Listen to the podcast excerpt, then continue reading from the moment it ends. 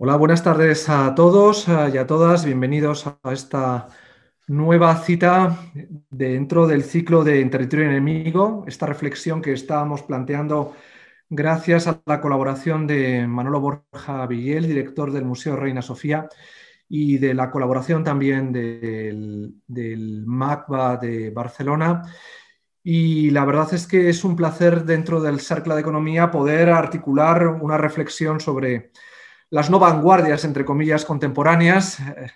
Y dentro de este ámbito tan especial que estamos siendo capaces de brindar en el contexto del el Cercle de Economía, para pensar en clave humanística hacia dónde evoluciona el arte y cuáles son las claves que articulan a este dentro de un discurso contemporáneo. Y bajo esta especie de, como decíamos el otro día, apocalipsis feliz bajo el que estamos viviendo en estos momentos. Hoy tendremos a Marco Baravalle, una autoridad en el mundo de la crítica a las bienales y a toda esta especie de comercialización que históricamente ha venido acompañando el arte contemporáneo, pero es Manolo quien va a introducirlo y es a él a quien le corresponde la presentación a mí tan solo como promotor dentro, del, dentro de la Junta del Cercle de Economía de esta iniciativa, pues me apetecía poder acompañaros y estar de la mano de Manolo hoy también en la presentación. Así que, Manolo, gracias otra vez. Espero que esté recuperado porque creo que has tenido ahí un pequeño contratiempo asociado a la vacunación, pero creo que estás ya bien y, y a tope con esto, ¿no? Sí, sí, estoy, me ha sentado, he cogido el, COVID y la vacuna al mismo tiempo y me ha sentado, me, ha sentado bien las dos por lo visto, pero porque me encuentro muy bien. O sea que muchas gracias. En tus manos está, así que adelante, Manolo. Gracias por todo. Gracias. Pues antes de presentar a, Marco, que es nuestro segundo eh, ponente en este ciclo de, conferencias y que, como veremos, se van articulando cada, cada presentación de algún modo refiere al anterior, querría eh, mencionar eh, dos eventos aparentemente eh, no conectados. Y digo esto porque eh, Marco es un, como historiador, como crítico, es, un especialista en unir cosas que aparentemente no están, eh, no están relacionadas. Una vez leyendo un texto suyo sobre bienales, sobre crítica de arte, ligaba el hecho de que Harald Seaman se hubiera despedido hubiera cesado como director de la Kunsthalle en Berna con eh, los movimientos, eh, con las revueltas de Turino del, 60, del 69, cómo ligaba las dos cosas, cómo las articulaba, cómo nos hacía... Eh, cómo nos servía para explicar la situación presente desde el punto de vista curatorial de las bienales del mundo del arte, me pareció mm, extraordinario. Y por eso, un poco imitándolo, querría mencionar dos, cosas que son pertinentes, creo, para la presentación que va a hacer Arco y para eh, va a hacer Marco y para eh, lo que queremos hacer estos días. Por un lado, una conferencia que dio en el 83 en Australia, Hans Hacke, que se titulaba eh, Los museos managers de la conciencia, que luego se transformó en un texto y es un texto muy conocido. En ese texto de, de, 1800, de 1983 ya hablaba, criticaba el hecho de que cada vez más, él se refería sobre todo a la situación de Nueva York, cada vez más los museos estaban dirigidos no solo por, eh, digamos, no profesionales, entre comillas, sino aquí no hay una defensa, defensa gremial, eh, no, tanto por eh, historiadores del arte, por comisarios, sino cada vez más por gestores puros y duros, pero lo que criticaba eran dos hechos. Por un lado, el que, digamos, eh, una cierta razón contable, el que una visión economicista, el que unos resultados estuviesen por económicos, eh, de públicos, de números, estuviesen por encima, encima de las personas y sobre todo lo que les sorprendía era que, digamos, esta estructura eh, económica tan potente de algún modo debilitaba aquello aquello que nos hacía, nos acercaba, nos hacía, nos hace tan, tan importante para nosotros el arte, que es su impredecibilidad. El hecho de que nunca sepas exactamente cómo, nunca sepas cómo explicarlo, nunca sabes por qué te atrae exactamente. Y es curioso que en un momento, 80s, 90s, los 2000, en los cuales los museos se han vuelto cada vez más predecibles, se puede ver, o se podía ver antes de la pandemia en lo homogéneos que eran, eh, que son, lo homogéneas que son las programaciones de muchas instituciones. Curiosamente, muchas empresas de negocios, a veces, y lo he podido comprobar en el propio museo, en el propio Reina, eh, vienen a los museos para enseñarles a la gente de, a los que estudian eh, negocios a ver relaciones impredecibles, a ver cosas que no son totalmente lógicas. Entonces, esta contradicción era algo que ya en los 80 Jaque denunciaba en su conferencia. Otra conferencia que para mí fue muy importante fue eh, una década después, en el 96, fue una conferencia del el filósofo francés Jacques Derrida, que la dio en Estrasburgo, en el Parlamento Internacional de Escritores, y en la cual, eh, preocupado por la creciente xenofobia en, Europa, reivindicaba un derecho universal, un derecho del ser humano universal, que es el derecho del asilo, y contrastaba, comparaba este derecho universal con las leyes nacionales. Por un lado, el derecho del asilo, eh, de algún modo, te acoge tal y como eres eh, no te exige que te subordines al que te coge. En cambio, las leyes nacionales, eh, de algún modo lógico, te obligan a que te adaptes a esas leyes. Y en ese contexto, en el contexto eh, post-pandémico, en el contexto en el cual es muy importante este, este elemento de impredecibilidad, es muy importante la interpelación, eh, creo que es fundamental pensar en los museos como lugar de asilo, en el sentido en el cual Derrida eh, mencionaba, mencionaba la palabra, y lugares donde se replantea la economía desde otro punto eh, de vista. Y en este sentido hemos de considerar que tal vez los museos no son tan libres como nos imaginamos.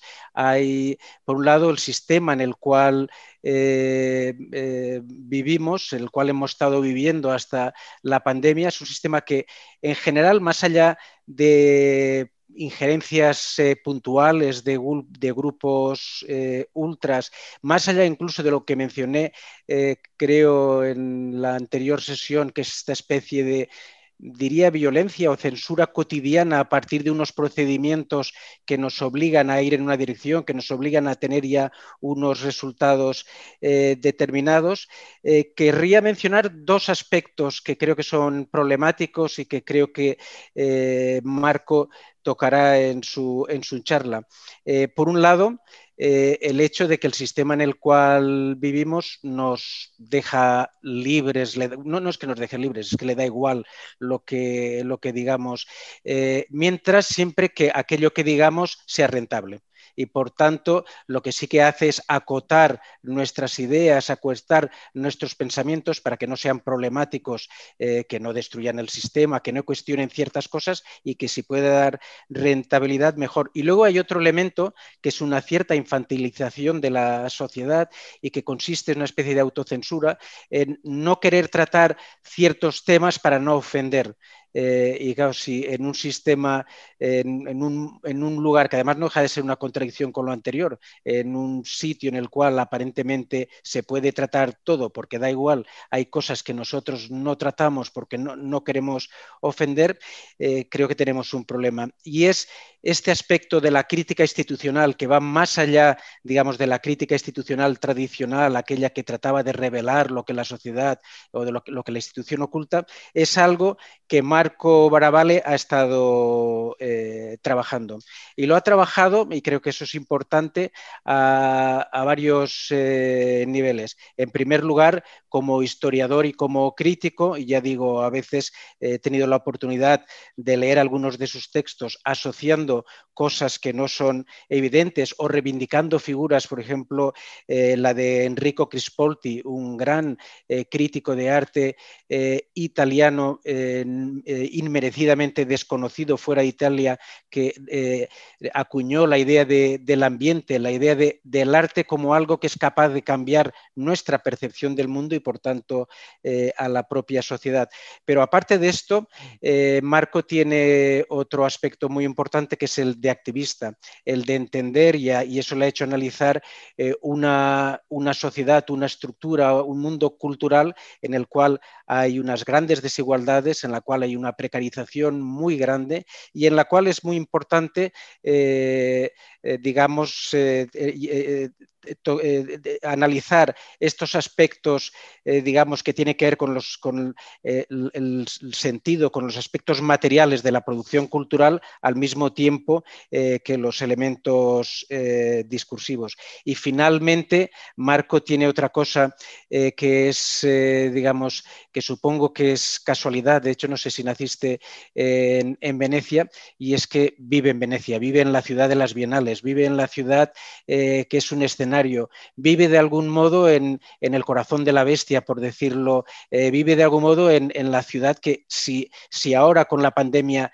todo se ha paralizado, Venecia eh, posiblemente se haya paralizado mucho más. Entonces, en ese contexto, creíamos que era muy importante el, oír sus reflexiones, porque además Marco tiene otra cosa, como eh, mezcla la eh, cuestión de historiador, de crítico, de comisario, pero al mismo tiempo también de activista, no solo analiza, sino que propone propone soluciones eh, para un mundo pospandémico. Por ejemplo, una eh, que para mí me ha resultado eh, muy reveladora, muy importante, es su insistencia en que debemos de dejar de visitar las exposiciones, este ir, correr, este simplemente decir que se ha estado allí y empezar a habitar las exposiciones. Habitar las exposiciones quiere decir también recuperar un tiempo, un tiempo del cual se nos ha expropiado y quiere decir seguramente, como decíamos, como mencionamos la otra vez, el pensar las instituciones eh, como no tanto como meros lugares de representación, sino como laboratorios de la imaginación radical, como laboratorios que nos permitan entender los mundos de otro modo, como laboratorios que nos permitan entender eh, las cosas o, promover cosas eh, impredecibles. Y ya sin más, es un gusto, es un honor pasarle la palabra a Marco eh, que además es profesor eh, investigador en la Universidad de, Venecia, que es muy activo en Sale Docs, un espacio alternativo en, Venecia y que es una figura muy conocida entre críticos, historiadores del arte. Así que eh, muchas gracias por aceptar la invitación, Marco, y te doy la palabra perdón, una cosa que se me olvidaba, que se me olvida siempre y luego me riñen, eh, puede haber las preguntas, eh, se pueden ir eh, pasando durante la intervención de Marco y al final, cuando acabe, las podremos poner en, público. So, thank you very much, Manolo, for the uh, extensive and beautiful introduction. Thank you very much to all the organizers of this series of lecture for for having me uh, tonight. Um, Manolo mentioned lots of problems that uh, uh, that are problems that, in, in a way, are, are, really concerning me too, and I think are, are, are uh, important problem in this uh, time of pandemics concerning art and concerning the present and the future of our institution. I wrote a paper, and, and in this paper, I will I will uh, definitely addressed some of the themes that Manolo presented during the introduction, and I hope that some other themes can be maybe addressed during the Q&A uh, time. Um, so um, I will start to read. I'm, I'm, I'm, sorry because I will be definitely much less performative than uh, Timothy Norton, Timothy Morton last week. So uh, uh, I'm sorry, but for the sake of clarity, I prefer to to read the paper out loud. So, um, as the presentation of this series uh, of talks reads, in the midst of the pandemic, and I quote the text presented introducing the series of lectures, rethinking forms of cultural production and institutions as spaces that extend beyond representation is inescapable. So, this uh, priority of rethinking cultural production and its institution, it must be a shared concern if we are witnessing a growing number of artists, curators, and art critics working in the direction of what could be called institutional invention instead of limiting themselves to institutional critique. We have had many examples, at least in the last 10 to 15 years, of many um, artists whose main concern was not to stick to, let's say, a simple uh, institutional critique, but to really try to imagine, design, invent, implement, uh, implement institution as works of art. Uh, a few names, a few names that are quite well known. For example, we could mention uh, Jonas Staal, we could mention Terike Haapoja, we could mention the idea of uh, performative curated by Florian Malzacher, we could mention Tania Bruguera, we could mention Ahmet Ogut. So these are only a few names of artists and curators. We could mention uh, art critics such as Sven Lütticken and, and many others who really uh, addressed this, this theme of institutional invention. And if we look at theory, this wave of institutional invention can count on different sources, on different theoretical uh, backgrounds, let's say.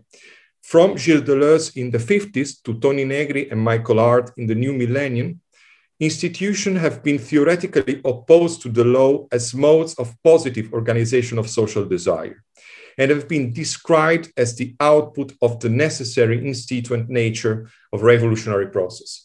So this, this form of artistic institutional invention can rely on this theory, of these positive theories, of, of, this, uh, of theories that suggest this positive view of institutions as part of a revolutionary project. And uh, mainly Gilles Deleuze and, uh, and uh, Toni Negri and Michael Hardt were the scholars that focused on this theme of, of the institution.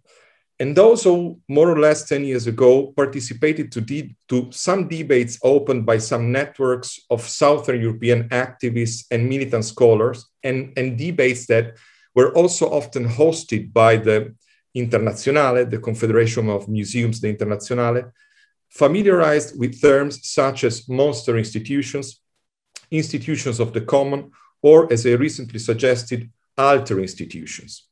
So it is my intention today to focus on some question, some question that uh, I take from the title of this series of talks. So as are operators mostly working within the circuits of the neoliberal system, do we really find ourselves in enemy territory? And if so, who is the enemy? How do the institution of the enemy work? And eventually, why it is important to, let's say, to rediscover enemies? I think that on the background of all these questions stands the necessity to deploy the transformative potential of art, curatorial, and critical practices. So, here we are also discussing the problem of art power slash powerlessness, to quote Bojana Kunst's study on the contemporary relation between art and capitalism, a relation where the crisis of subjectivity, which historically represented one important aesthetics radical feature, becomes now, under post-Fordist condition, the very core of the valorization process. So what uh, Bojana Kunst tried to demonstrate is that contemporary capitalism needs the subjectivity to be in a constant state of crisis and movement, of flexibility, needs it to be available, always available to change and to adapting. And aren't we living in a constant state of crisis? Didn't the pandemic reinforce this condition? So, according to Bojana Kunst, the more socially engaged our practices, and I would also add curatorial and critical practices, go in the direction of decentering subjectivity, subjectivities, of opening space for discuss, discussion, etc., the more the neoliberal power of valorization gets sharp. It's, it looks like we're stuck in a vicious circle. So, how to address then this problematic condition? While I'm very sympathetic with authors such as Gerald Raunig and Kuba Szreder, who specifically referring to the political agency of contemporary art operators, promoted the idea of a non dialectical resistance, I would argue that a certain recovery of dialectics is today important to reclaim, art, to reclaim art's transformative power. Uh, in Raunig, the idea of a non dialectical resistance refers to political practices such as flight, nomadism, exodus, and disappearance. Uh, practices that abandon the heteronormative imperative of the heroic fighter and practices that are useful in order to go beyond the Western dialectical thinking, trapped in a scheme of binary oppositions. Oppositions such as worker versus capitalist, man versus woman, culture versus nature, human animal versus non-human animal, etc., etc. In Kuba Szreder, who is a Polish uh, critic and, and, and curator, the non-dialectical resistance is based on the idea that post-Fordist mode of production presents what Paolo Virno defines a neutral core, i.e., its characters of mobility, loose hierarchy, cooperation, and connection can be played to the advantage of the commons and not to that of profit, on condition that contemporary art workers, that Kuba Szreder calls projectarians instead of proletarians, because they are people that rely on the occasions provided by the, the, the, the uh, a market of, of projects. So um, let's say that uh, the, uh, says that uh, art workers can basically turn to their advantage the loose hierarchy, the neutral core of post, post Fordist model of production on the condition that they learn how to move from the ideal of independence to that of interdependence. So they acknowledge the cooperative model of production of post-Fordism and they use it to their own advantage and not to and not in a cynical way. In, in, indeed, the, the, the article to which I'm referring is called radical opportunism. So, how to radicalize the structural opportunism that characterizes the anthropology of uh, the contemporary uh, art worker, let's say. Well, uh, I think that both these theories, both these, uh, these scholars, both Gerd Raunig and Kuba Szreder, uh, mark some points of no return that I would like here to underline and to, let's say, and to be clear about. And to be even more clear, I don't wish for the return to a kind of politics inspired by an orthodox philosophy of the subject. I don't wish for the return to a society that is structured through the binarism of rigid monolithic identities. I think that present transfeminist, indigenous, Black, and climate justice movements are making a point that this type of society is one based on a long series of exclusions and subsequent violence. I also want to learn uh, from Kuba Szreder that there are other possible art words that can already be built now, that we don't have to wait for the revolution to empower artistic cooperation and to avoid the traditional nexus of individual artists, studio work, curator, and gallery. It's already possible uh, by using the resources that uh, we have at, at in hand, it's already possible to build alternatives to this more commodified, reified, commercial version of uh, art institutionality.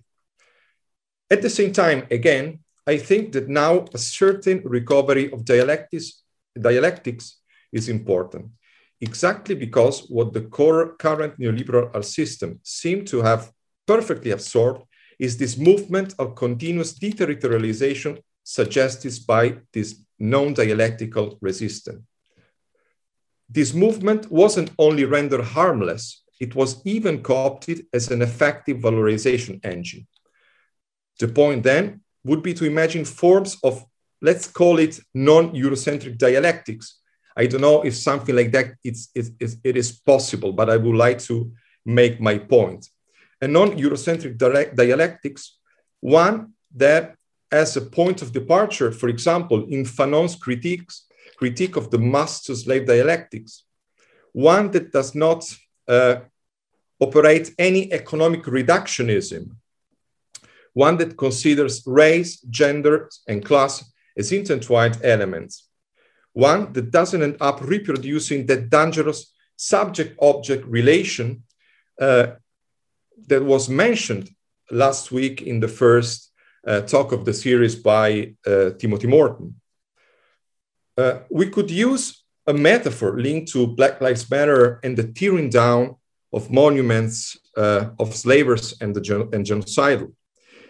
It is not only important to affirm new models of art institutions that can be experimenting, working on the neutral core of post-Fordism, as for example, Kuba Szreder suggests, but I think it is also fundamental to question and to oppose the, hegemon the hegemonic turn of this neutrality.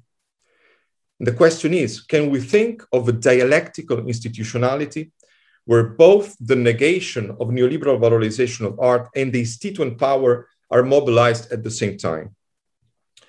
Uh, in his famous uh, essay on Marcel Broodthaers, uh, on, on, on, Marcel Broodthaers' work Musée d'Art Moderne, Douglas Crimp recalls Walter Benjamin's historical materialist approach to collecting as being something that questions, and I quote Douglas Crimp, an undialectical view of the museum as a progressive historical development. So, uh, according to Crimp and, and to Benjamin, is referring to Benjamin theory, historical materialism and dialectic position the collected object not inside a generic cultural history, i.e., an artificial continuum, but position it within a constellation of social facts that shatter the autonomous space time of historicism. that same time space that would become dominant in modern museology. It, it was uh, internationally affirmed, for example, through the, uh, the modern of the white cube that was, let's say, affirmed through, through the work of Alfred Barr at MoMA starting uh, from the late 20s. So, um, and I think this critique of undialectical museum can also, uh, museums, I, I say museum, but I also mean other art institutions, not only museums, of biennials or of foundation of whatever neoliberal uh, mm, dispositif uh, of, of, of art institution. I think this critique of undialectical museum can also be traced where you don't expect it. There is a film, for example, shot in 2016 titled In at Sea by two Native American video artists, Adam and Zack Khalil. Uh, they belong to the Ojibwe tribe, uh, whose land is now located in Michigan's Upper Peninsula in the US. And one, uh, I think, important part of this film uh, attempts a sort of critique of our American Museum following exactly an historicist perspective, archived and labeled as things of the past, uh, appropriated native artifacts, traditions, and prophecies. Tradition, prophecies, object, ritual objects that for native people are very far from being dead or primitive. But there are culturally and politically really crucial in the present. Am I saying that Khalil brothers are Marxist? Not at all. I don't want to misunderstood. That would be probably just another act of disregard of their cultural and political stance as Ojibwe, as natives. I'm here just looking for possible points of contacts or alliances. Alliances from a point of view that it doesn't refuses, it doesn't refuse dialectics, dialectics as a whole, but it tries to remobilize dialectics, uh, taking into account what uh, present social movements, and especially those movements or, or those positions that speak from the global south, from indigenous movements, from the position of, of um, people teach us. Okay. So, and uh, so since the same text that I was quoting at the beginning, the text presenting this series of lectures, mentioned how Marcel Broodthaers understood the art system of, of the 70s and the 60s to be at odds with the historical avant-garde movements, I would like to continue with another quote that, in my opinion, clarifies something very important at stake today, clarifies what are the conditions under which radical transformation also of our institution occur. So I recently read, read the draft of a forthcoming book by the Italian theater scholar Annalisa Sacchi. And in this book, she quotes Leo de Berardinis, uh, who, in his artistic partnership with Perla Peragallo, was a crucial figure of the Italian radical theater of the 60s and the 70s. Uh, in a documentary shot in 1980, the interviewer asks Leo to provide him with a possible definition of his theater. Leo answered by refusing to be called an avant gardist. And he said, a very short uh, sentence. Uh, he said, The avant garde only exists in revolutionary times. History makes the avant garde. So, according to this statement, then, what an avant garde strives for goes beyond its dedication to what we could call the politics of form. That is, it strives, it strives for going beyond a shift in language or style. The avant garde is not separable from a transformation that shakes the very foundation of the institution of art and, at the same time, the very foundation of the dominant political system. This, I think, highlights one simple but often overlooked fact the fact that lasting institutional changes, even in the field of art, are the result of a radical social disruptions, are the result of revolutionary events, even of those revolutions that are eventually defeated. I'm thinking here of 1968, for example. Uh, 1968 was a movement that had a strong, lasting effect on how our institution uh, perceive their social role. And there's a, a before and an after, even if 1968 or the, the radical movements that happened, for example, in Italy during all the decade of the 70s were eventually defeated, let's say. The second part of, of the statement by um, Leo de Berardinis is also important. In the second part of his statement, Leo says that without history, there is no avant garde. I must confess that I'm not sure um, what he meant with the term history, but I like to detect in this affirmation the idea that the possibility of a radical transformation of the art status quo, what avant gardes uh, aim for, and what I think also it is very important to to achieve now, this radical transformation of the art's status quo depends on what? Depends on a dialectical understanding of history or histories in plural. In, in plural. And indeed, this dialectical materialism was reflected and reinforced by the aesthetic creation of the historical avant-gardes. So this is, this is just to uh, recall how uh, aesthetical, aesthetic and political dimensions were deeply intertwined. And as Jacques Rancière remembers, are part of the same uh, aesthetic regime of the art. And think, for example, of Eisenstein's cinema. Think about his theory of a dialectical montage, the idea of montage as conflict. The way uh, cinematically speaking, uh, Eisenstein deals with, with representing objects in his film should be something that all the curators should be aware of. How to create narratives, how to create contradictions, or how to create a dialectic, a dialectical, let's say, process of thinking through the representation of objects. But think also about the famous verses by Mayakovsky that literally describe this vision of history, this dialectical vision of history. In 1930, uh, Mayakovsky wrote a poem. I think the, the last poem he wrote before committing suicide, and this poem is titled Aloud and Straight. And I want to read some sort of famous verses from, from this poem. And, and, and he wrote, Our dialectics weren't derived from Hegel's cunning. Through battle din, it burst into our verse when bullets from our guns sent bosses running, the same as we had run from theirs at first.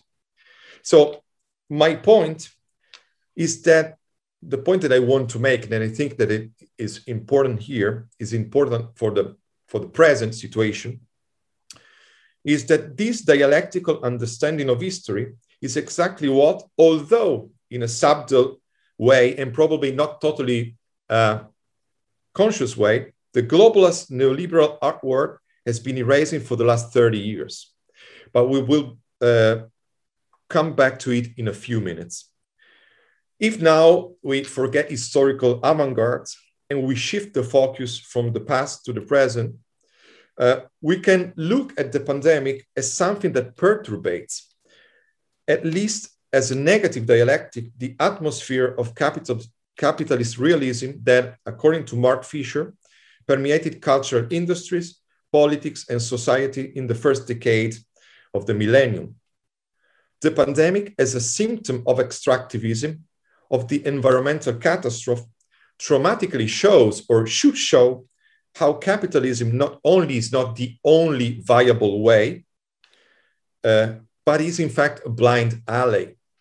And this uh, possibility of, you know, of climate justice movements to reveal the dead end or to debunk the, this atmosphere of capitalist realism that was denounced by Mark Fisher was already acknowledged by the same Fisher in, as in, in, in, in his book.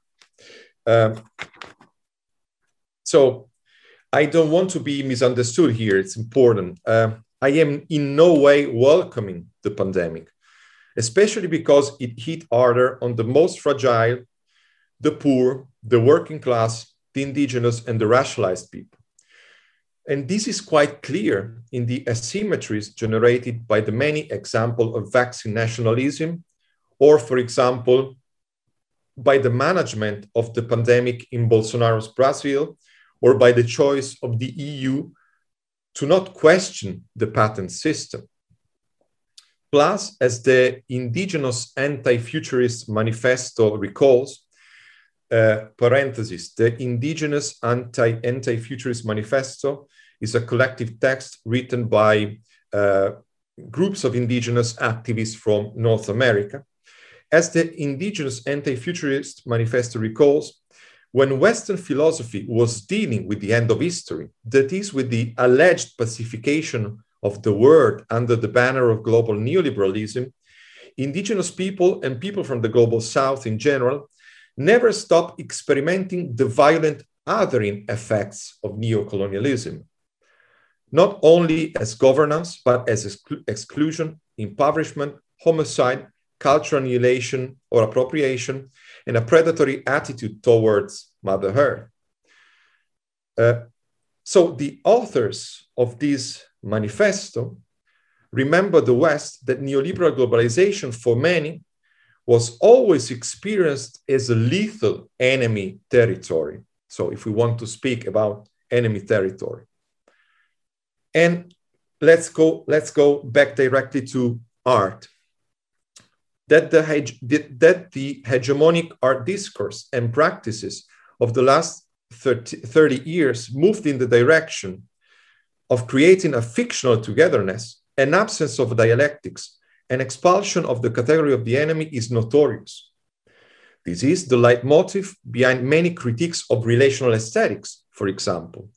I'm thinking here about Jacques Rancière, when he notes that at the beginning of the millennium, ethics and consensus became the focus of our practices, which turned their backs on dissent as a crucial ingredient of both aesthetics and politics.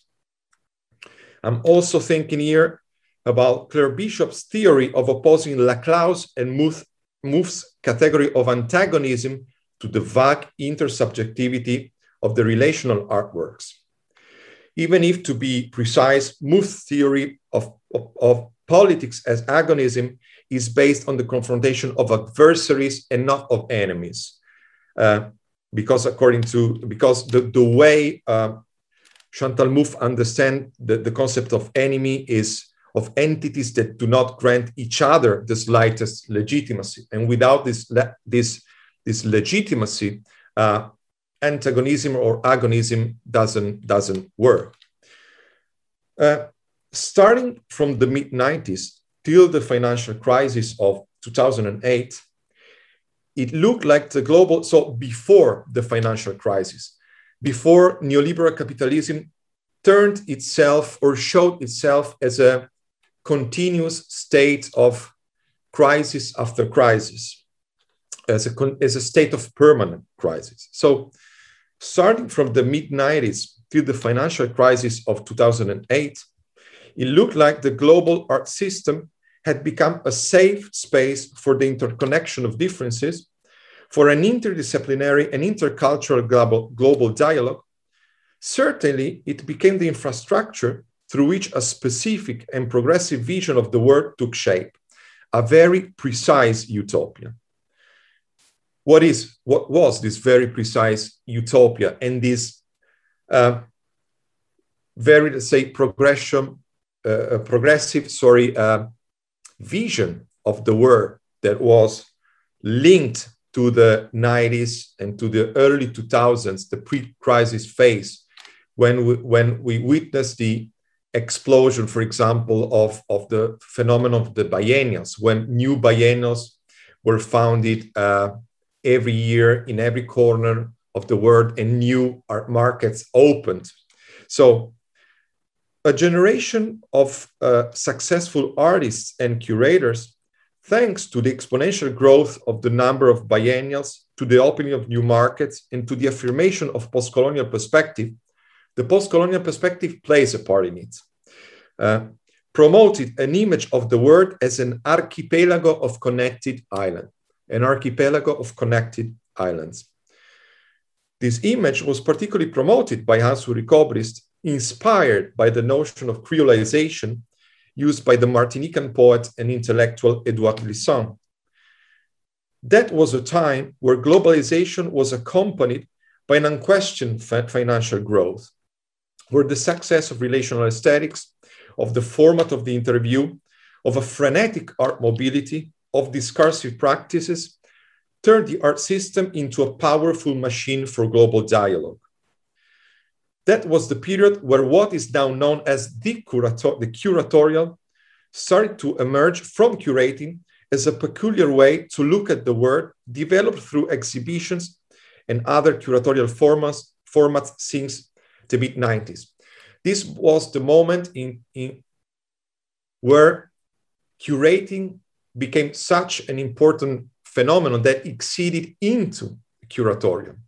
And the curatorial in uh, every nuance that has been discussed recently, I think really stems from this period of time when uh, global curating and the global circuits of biennials, museums, art institutions imposed a new way to look at the world from the point of view of curating.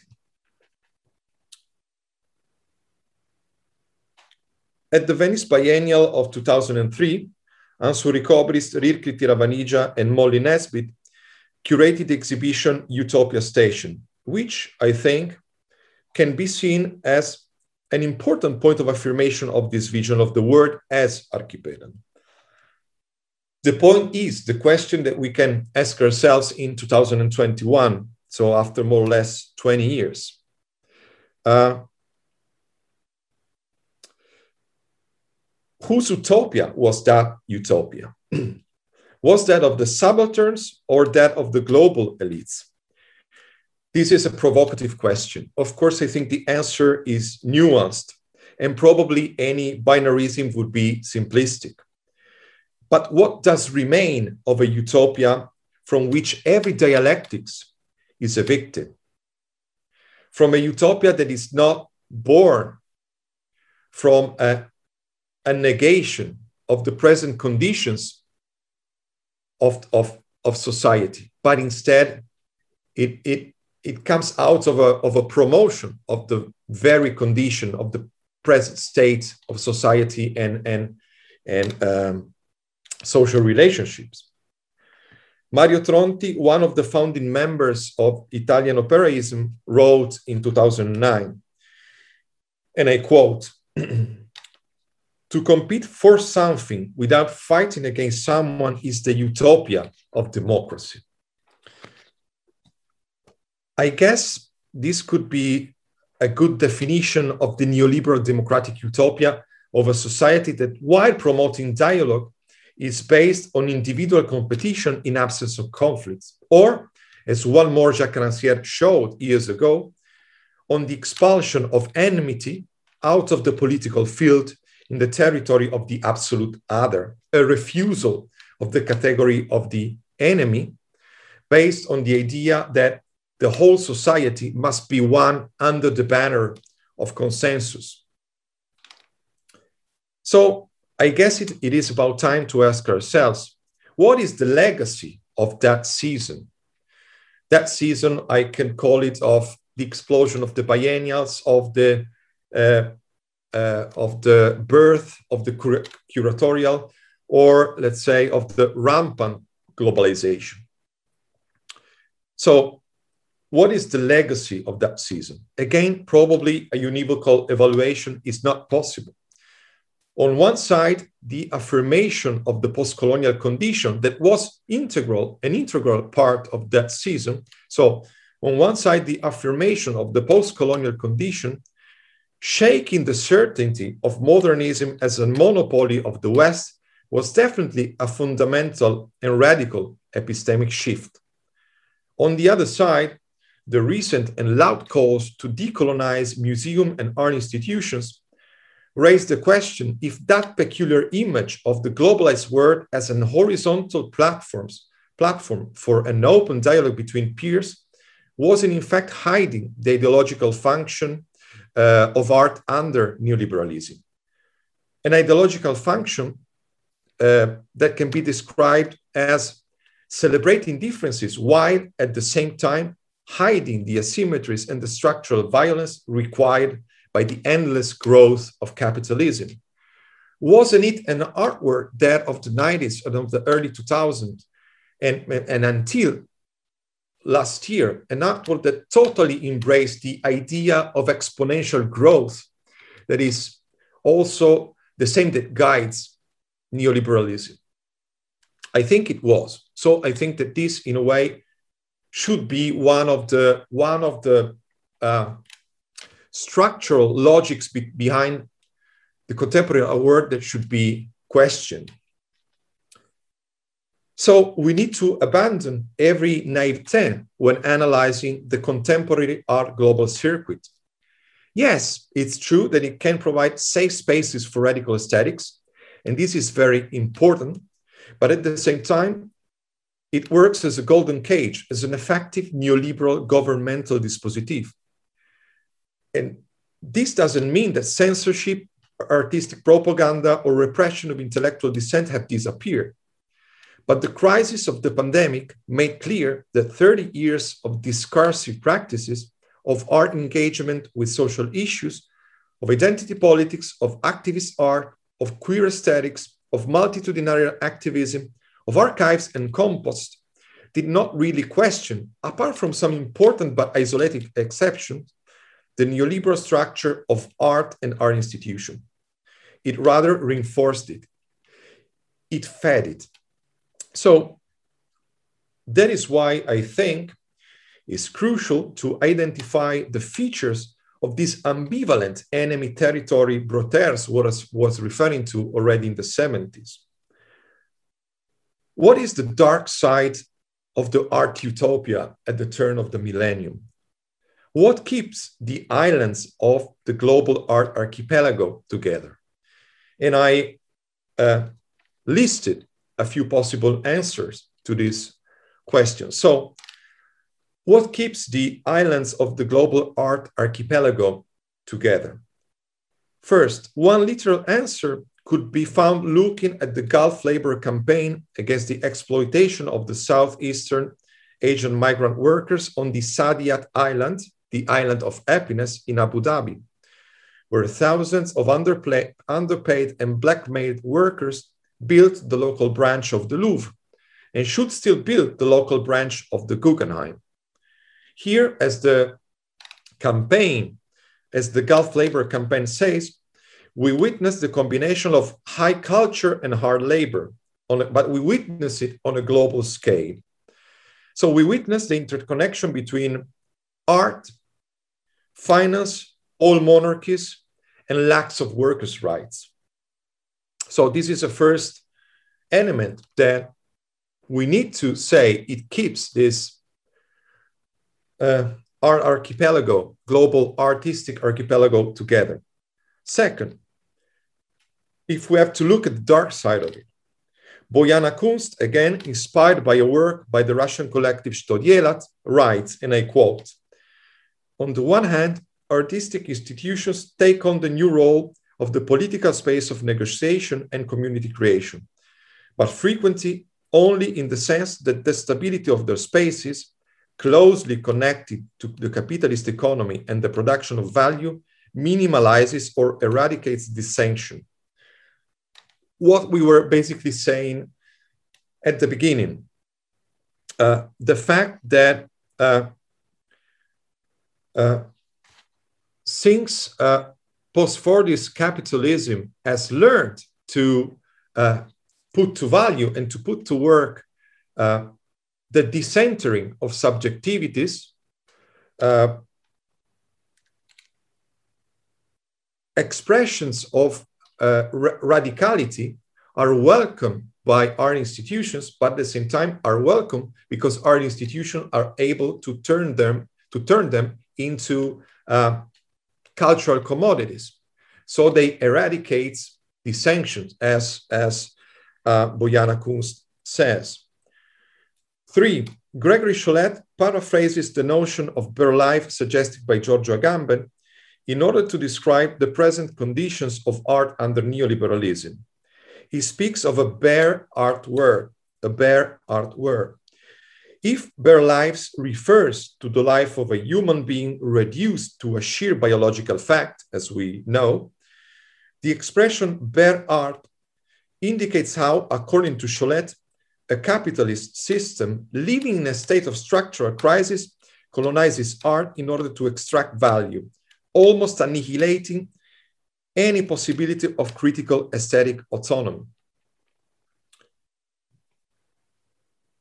Being uh, being global neoliberalism in a state of structural crisis, Sholette argues, uh, he seeks to put to value every pervasive, let's say every uh, even hidden corner of aesthetic autonomy.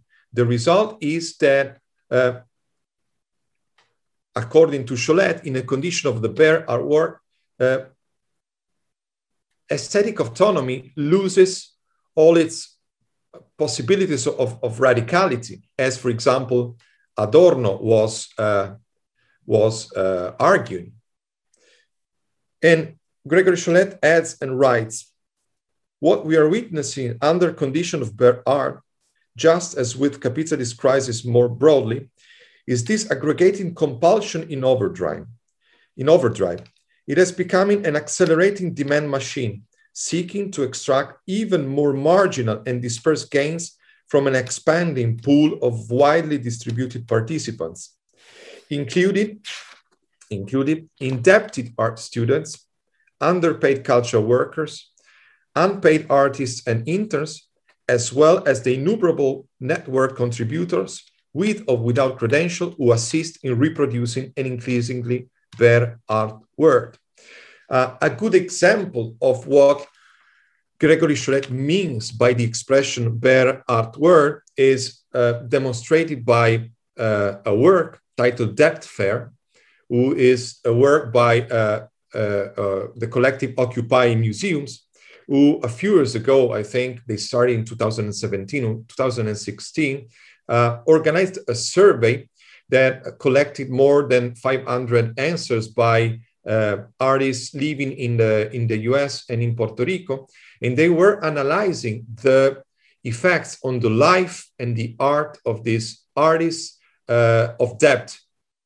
And it turned out that uh, US artists are uh, deeply indebted uh, and, and that this, this state of indebtment uh, also, uh, also, let's say, guides their aesthetic choices. Because if you are indebted and you need to pay your debt back, you follow the requests of the market because your priority is to sell works on the market. So, in a way, uh, this work, this, this project, Debt Fair, beyond demonstrating the fact that debt is so pervasive, even in the artwork, uh, it shows also how it directs uh, aesthetic choices of artists.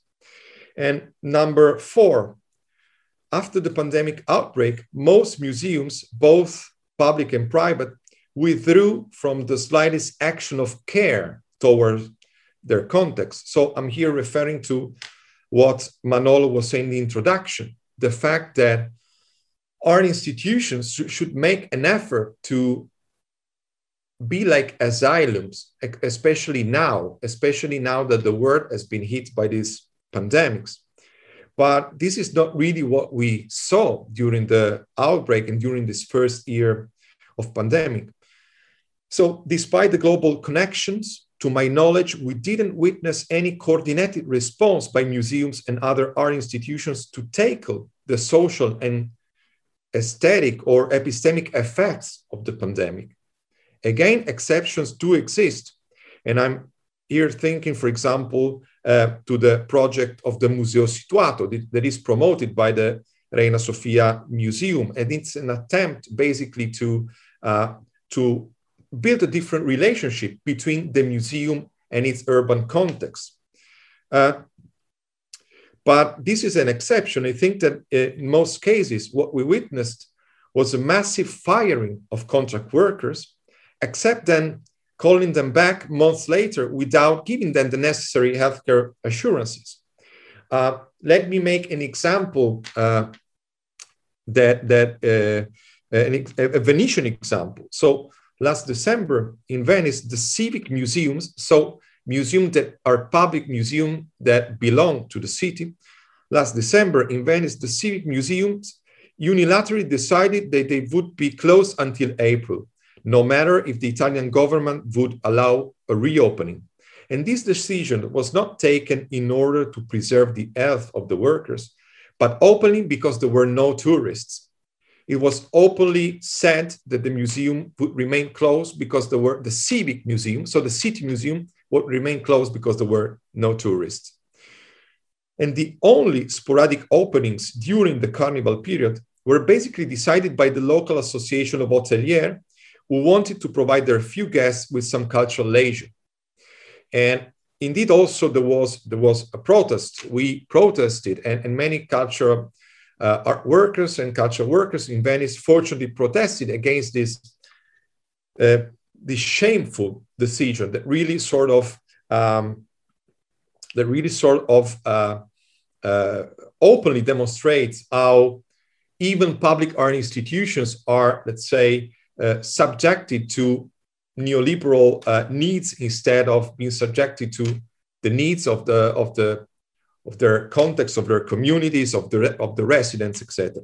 So, uh, number five, many biennials were founded mainly as city branding opportunities, and this is well known, fuel, uh, fueling real estate rent and promoting a completely neoliberal model of art event, where all the success criteria are oriented towards the logic of an exponential growth of visitors, growth of artists, of crowds, of off events, of parties, and so on and so forth. So, number six in this list of, uh, of elements that uh, make up the dark side of, of, uh, of the, the, the, the uh, art utopia as, as a global archipelago of differences. Number six, no matter how radical the exhibition organized by global art institutions look, groups such as decolonized displays show now how white people are still occupying the vast majority of position of power within the art system. And yes, despite the fact that decolonization became a sort of buzzword in the artwork, the work of epistemic decolonization of the artwork still has a long way to go. If it is true, for example, that the trophy for Best Actor at the Venice Cinema Festival is dedicated to the memory of the Count Giuseppe Volpi di Misurata, who, beyond being the founder of the Cinema Festival of the Biennale, uh, was uh, also was the former governor of Tripolitania, a region of the Italian co uh, colony of Libya, and the first minister of finance of Mussolini between, I think, 1925 and 1928. So I think this shows how much uh, we still, at least in Italy, but at least in the context of, of a global art event such as the Biennale, we still have to deal with our colonial past and our uh, colonial memory and is still unquestioned at the very core of the, of the institutional narration itself. Number seven, the list could go on. I think I listed only uh, seven here cases, but what about art mobility, for example? Obviously, uh, our mobility, as, as, we know it, is a, is, a is, is a totally unsustainable model from the ecological point of view, but it's not only this. This model of mobility is rhetorically described as a kind of romantic global nomadism. But I think what it really does, it actually does, is that it forces our operators into a continuous deterritorialization at the full service of a neoliberal logic of the colonization of the urban space. What I mean? I mean that we move from city to city, now from Zoom to Zoom, producing or discussing about socially engaged art, radical philosophy, etc., while at the same time our cities becomes, become punctuated by art institutions that most of the time share goals with the neoliberal urban agenda. A neoliberal urban agenda that uh, opts for the reduction of public space, the imposition of private property needs over common needs, an alliance with real estate rent, despite all the rhetorics about the creative city, and of course, a promotion of art as a financial asset in the hands of global financial oligarchies. And again, I think this, this process is very, very visible in Venice. What we have been witnessing in Venice for the last 10 years is a narrowing, is, is, a, is a progressive, let's say, uh, erasure of independent art spaces and uh, uh, the opening of many private art foundations that are linked to big private financial capitals, to financial oligarchies. Uh, the VAC Foundation, which is owned by the uh, Russian gas oligarch uh, Leonid Mikhelson, uh, Leonid Mikhelson, or uh, or uh, Palazzo Grassi and the Pinault collection that is owned by Francois Pinault, that everybody knows who Francois Pinault is, etc., etc. So the point is that while a city becomes more and more difficult to experiment for independent cultural production, art production. And while a city becomes more and more difficult for art operators to live in, Venice is one example, at the same time, it becomes more and more populated and colonized by spaces that really show this direct link between financial capital and, and art. And going back to, to a critique of neoliberal art mobility. I think that's why it's important to, to think uh, different ways of mobilities, different models of mobilities. In a res- recent article of mine, I suggested that we should shift from neoliberal mo- art mobility to what I called radical permanence. And radical permanence means finding ways by which reclaiming the public space and describing our mobility in logics that implement solidarity, self organization, instead of feeding the global art industry. Radical permanence doesn't mean that we cannot move anymore, that everyone has to stay at home and that everything has to be reduced to the digital dimension. I think that uh, digital dimension by erasing, you know, the, the, the, by taking away the bodily presence from the center of political scene is also something that is deeply reactionary. But at the same time, I think that the way our operators have been not only moving, but moved uh, until now is a way that uh, is more instrumental to the neoliberal logics than to, lo- to the logic of linking arts and commons. So I also think that radical permanence should say that we as art operators can move less and those who are denied the right to move, the right to mobility, like migrants, for example, uh, should move more.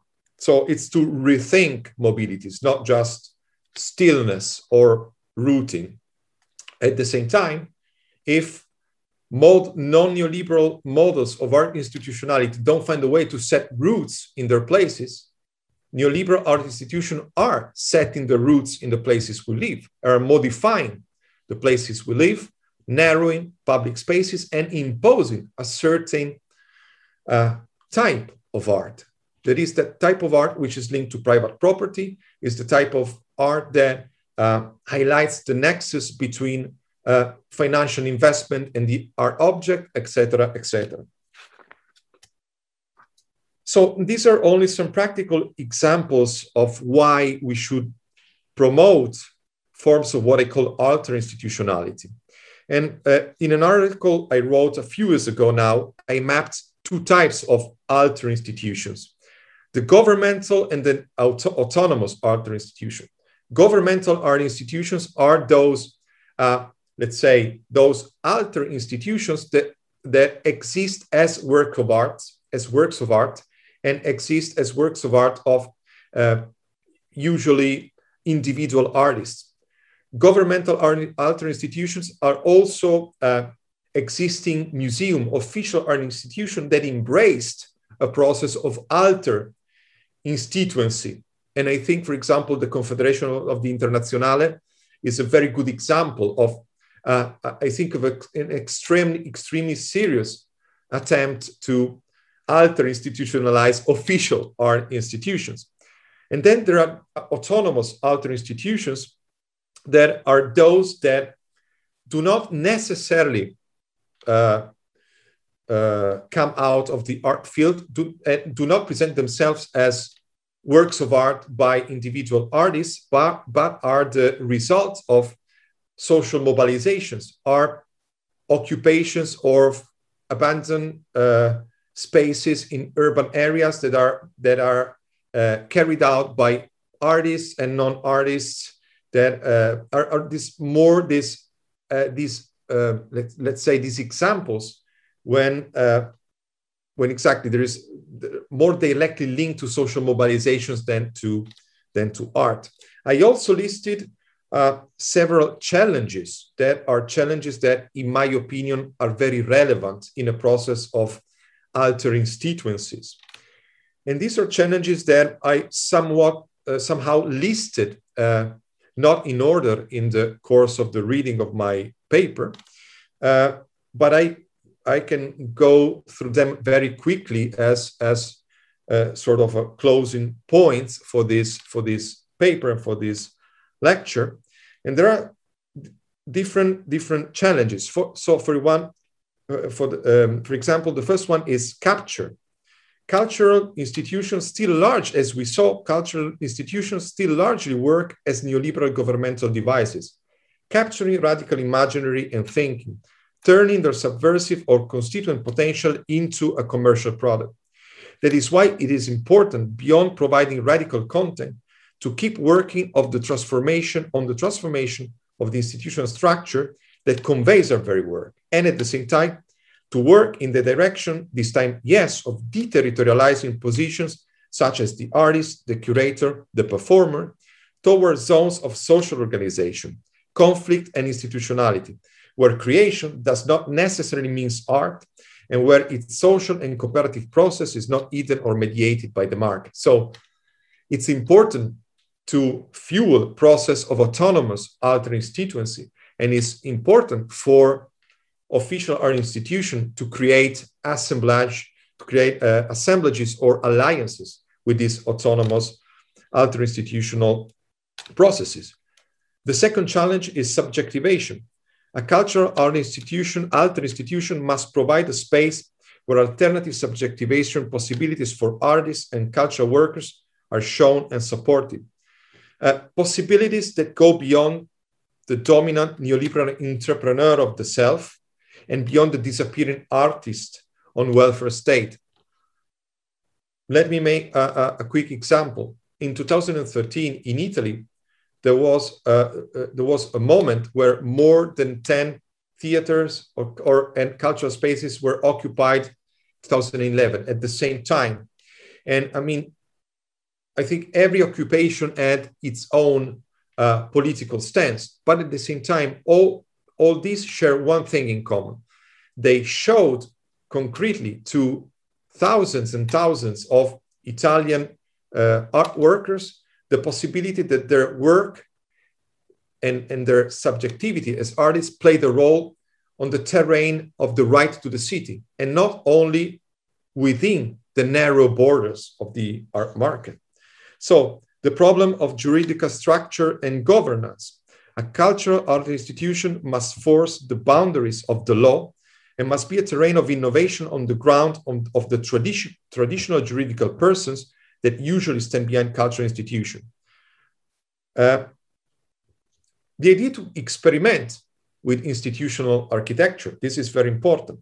The relation to urban politi- policies, which I already focused on, decolonizing, which I already focused on, the problem, the problem of binarism between degrowth and acceleration, how to use uh, the possibility that digital technologies give us, not in order to reaffirm the paradigm of, of exponential growth typical of neoliberalism, but in order to slow down, in order to, to, to degrowth. So I think it is important under an ecological point of view that this binarism between acceleration and, and degrowth, acceleration is slowing down, is deconstructed.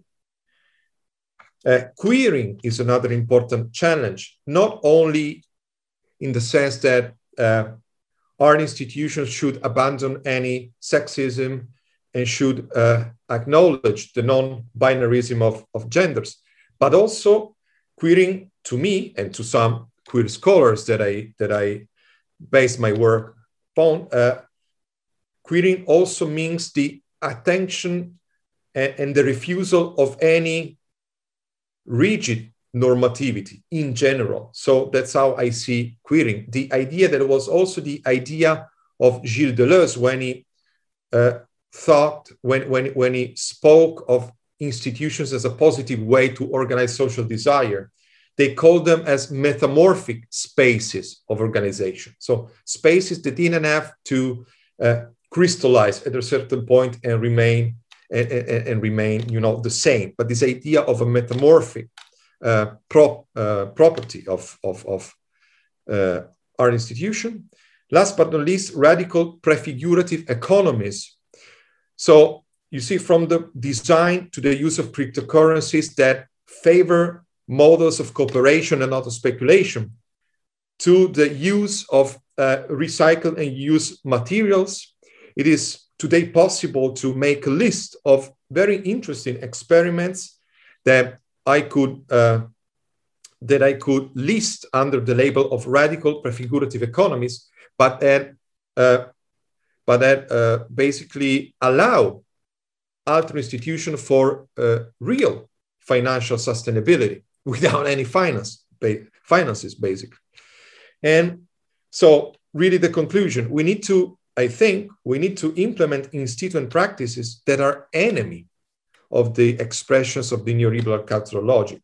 So we, and I say we, I generally mean those who have in mind the affirmation of the commons should not be satisfied with the fact that sometimes our institutions provide us with a safe space. And by the way, I did not see this happening very often during the pandemic. Also because willing or unwilling, our radicality confined, if confined within the borders of neoliberal institution, is reduced to a representation of politics. So safe space for the subalterns, of course, and at the same time, space that are unsafe for those in power and for their accomplices, with the perspective, as Paul Preciado writes, and I quote Paul Preciado, with the perspective to turn out the lights of the Baroque financial art institution so that, without any possibility of spectacle, it can function as the parliament of another sensibility. And I will leave it here. So thank you very much for your attention and patience. Thank you.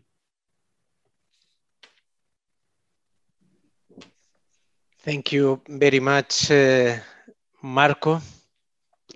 It was a very dense, very profound uh, paper. Uh, I think it's, uh, I'll go into Spanish. Uh, creo, que es eh, bastante interesante el haberlo visto después de Timothy Morton, porque creo que hay elementos que son eh, similares en, en, vuestra aproximación.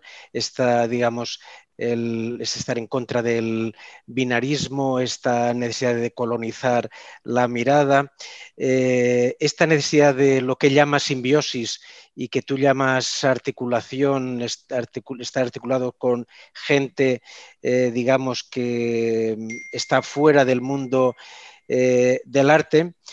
Es curioso también la, las diferencias, eh, diferencias eh, de alguien que está eh, en un sistema universitario que es muy distinto del tuyo, que está en el sur de Europa. Me ha parecido ver, y esa es la pregunta, de hecho, bueno, de hecho son dos preguntas.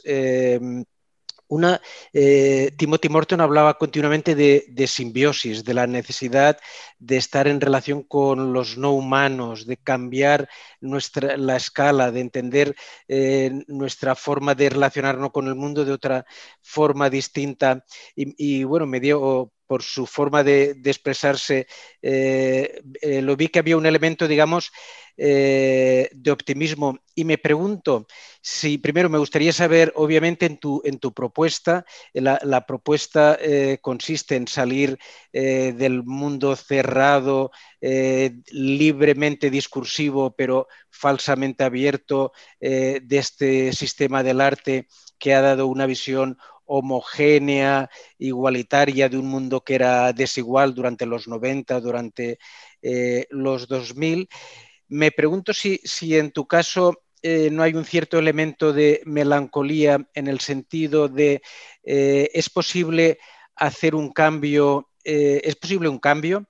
¿Es posible un cambio sin que, digamos, este cambio venga desde fuera del mundo del arte? No, lo que estamos haciendo eh, aquí mismo no es meramente eh, discursivo. Eh, digamos, me he quedado con, con, la duda si no hay, primero, qué diferencia hay, si hay entre tu visión, tu necesidad de, digamos, de ir de la mano con agentes, digamos, de fuera del mundo del arte y la idea de simbiosis de Timothy Morton. Y luego si no hay un cierto elemento de melancolía que puede ser no operativa.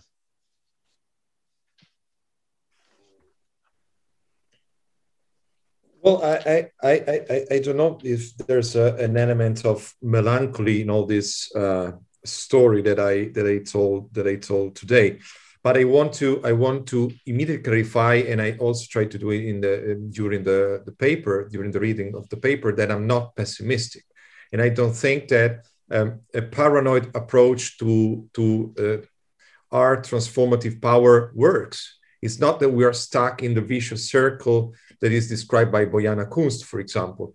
I think that uh, while while I think we should move from, for example, the the suggestion of Kuba Szreder to act with a non-dialectical form of resistance, I also acknowledge the fact that uh, working from the neutral core of, of, of post-Fordist uh, art system is already important and gives you already a transformative power. And, and I also think, for example, that uh, if, if a, radical change of the art world will not come if, if not in a symbi- symbiosis with something that, that happens in a wider social dimension. But at the same time, I think that the work that, uh, for example, museum directors like you can do within the system is a very important work because it's not a work of, of representation of politics. It is a work. I, don't know if I if I put you in a sort of bad spot by praising your work, uh, Manolo. I, I don't know, but but I think that let's not speak about you, but let's speak, for example, about uh, the the work of the Internazionale. I, from an activist point of view, I think that it was a very uh, important work that the Internazionale did in the last 10 years because it uh, really approached and addressed not only what program should be uh, should be should be hosted by the museum, but also the institutional structure of the museum, the constituency of the museum. So I don't want to sound uh, pessimistic of or, or paranoid or you know uh, just uh, uh, like this, you know, too simplistic in my in my critique. At the same time, I think that symbiosis is something that naturally happens if we look at the artwork. I, I, I, perfectly understand what Timothy Morton means with, with symbiosis and the idea that we should live with uh, with the also with the with the with with our ignorance of hyper objects and of the uh, present ecological state without trying to dominate nature in that relationship of subject object that he was denouncing during his during his uh, during his uh, talk last week. At the same time, symbiosis in, in the artwork could be seen as something not only positive. Uh, museums have been symbiotic with uh, neoliberal politics for a long time. Let me let me clarify with a, with the practical examples. In 2016, I was invited for a talk in, in New York City. And by chance, I happened to be there at the, at the time where the Brooklyn Museum, which is a museum which is known for kind of a radical programming and for, for example, uh, showing many African American artists and, and beyond that. But they were hosting the, the meeting of real estate developers of New York inside the walls of the museum and you know like uh, new york artists uh, grassroots association anti-gentrification groups were protesting outside the museum. And this tells you a lot about how also symbiosis plays a negative role in art. It depends who you symbiotic with. And and for example let me just by contrast say something about Sale Docks so it means that means that the constituency of, a, of the Brooklyn Museum, which, if I'm not wrong, if I'm not wrong, is a public museum. I could be wrong, but I think it is a public museum. Is uh, is also, let's say, comprises or includes real estate developers that are those who are uh, fighting a very violent war against the poor in New York City and gentrifying entire entire entire parts of the city. At the same time, what alter institutions suggest is another type of symbiosis. Uh, for example, uh, Sale Docks, that is the collective and the activist art space I'm part of in Venice, which was founded with the occupation of, abandoned, of an abandoned salt warehouse in the heart of the city of Venice, as other constituencies. Since the beginning, we have been home, for example, for the um, for the committee against big cruise ships of Venice that fights that fights an environmental struggle for Venice. Uh, it's normal that, for example, the local chapter of the transfeminist movement Ni Una Menos uses our uh, our spaces for their assemblies and meetings. So this speaks of another uh, symbiosis, and I think it's really not only symbiosis but the quality of it that we have to look for because uh, again, uh, our historians and our institutions don't leave and don't don't their development does not do, does not happen in a vacuum. It happens in a full of social relationships, and it depends. and it depends what are your alliances. We're using uh, uh, Haraway terms. how do you choose to make kin with? Muy bien, muchas gracias. Eh, de hecho, es un, un, un buen final para, eh, para, para, la charla. Eh, te iba a preguntar cómo veías, simplemente para acabar con una toma, una nota mucho más ligera, cómo veías eh, eh, la próxima Bienal, pero lo vamos a dejar así. Creo que la referencia a Haraway es mucho más interesante. Así que eh, si no hay ninguna más, ninguna pregunta, y creo que no la hay, te doy enormemente las gracias, Marco, por un paper muy interesante, muy profundo, que digamos sitúa la conversación en otro, en, otro, en otro lugar. Y le paso la palabra a José María Lasalle para, para que cierre eh, la sesión o que haga alguna pregunta. Muchas gracias, Manolo. La verdad es que podríamos estar haciendo muchísimas preguntas a Marco porque ha sido una conferencia la suya llena de sugerencias y, y, complicidades intelectuales. Esas complicidades, Manolo, que mantenemos muchas veces cuando comemos juntos y desplegamos análisis compartidos ¿no? sobre muchos de los aspectos que se han mencionado precisamente en la conferencia de Marco. No, a mí me ha interesado muchísimo esa reflexión que plantea sobre una especie de neoliberalismo artístico, esa especie de proyección de los imaginarios de todo el capitalismo simbólico vinculado al neoliberalismo y cómo han ido construyendo ¿no? toda una deriva mercantilizada del arte que al final ha acabado mercantilizándonos a nosotros también, ¿no?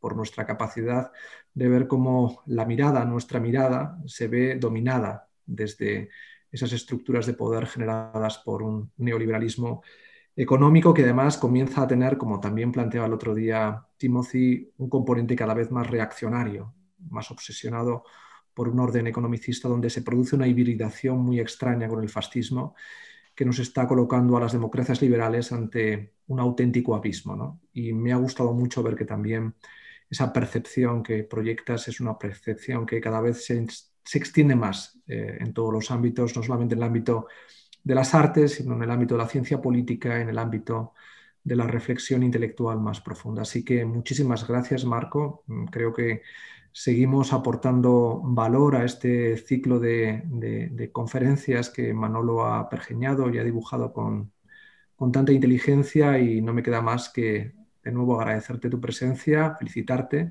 y por supuesto Manolo a ti también eh, por ambas cosas. Así que nos volvemos a ver la semana que viene eh, con una nueva entrega que promete ser probablemente tan interesante y tan eh, llena de sugerencias críticas como las que hoy hemos tenido la oportunidad de escuchar en boca de Marco. Gracias mille, Marco. Thank you very much for having me and for your patience again. Thank you. Gracias. Gracias a todos. Chao. Gracias.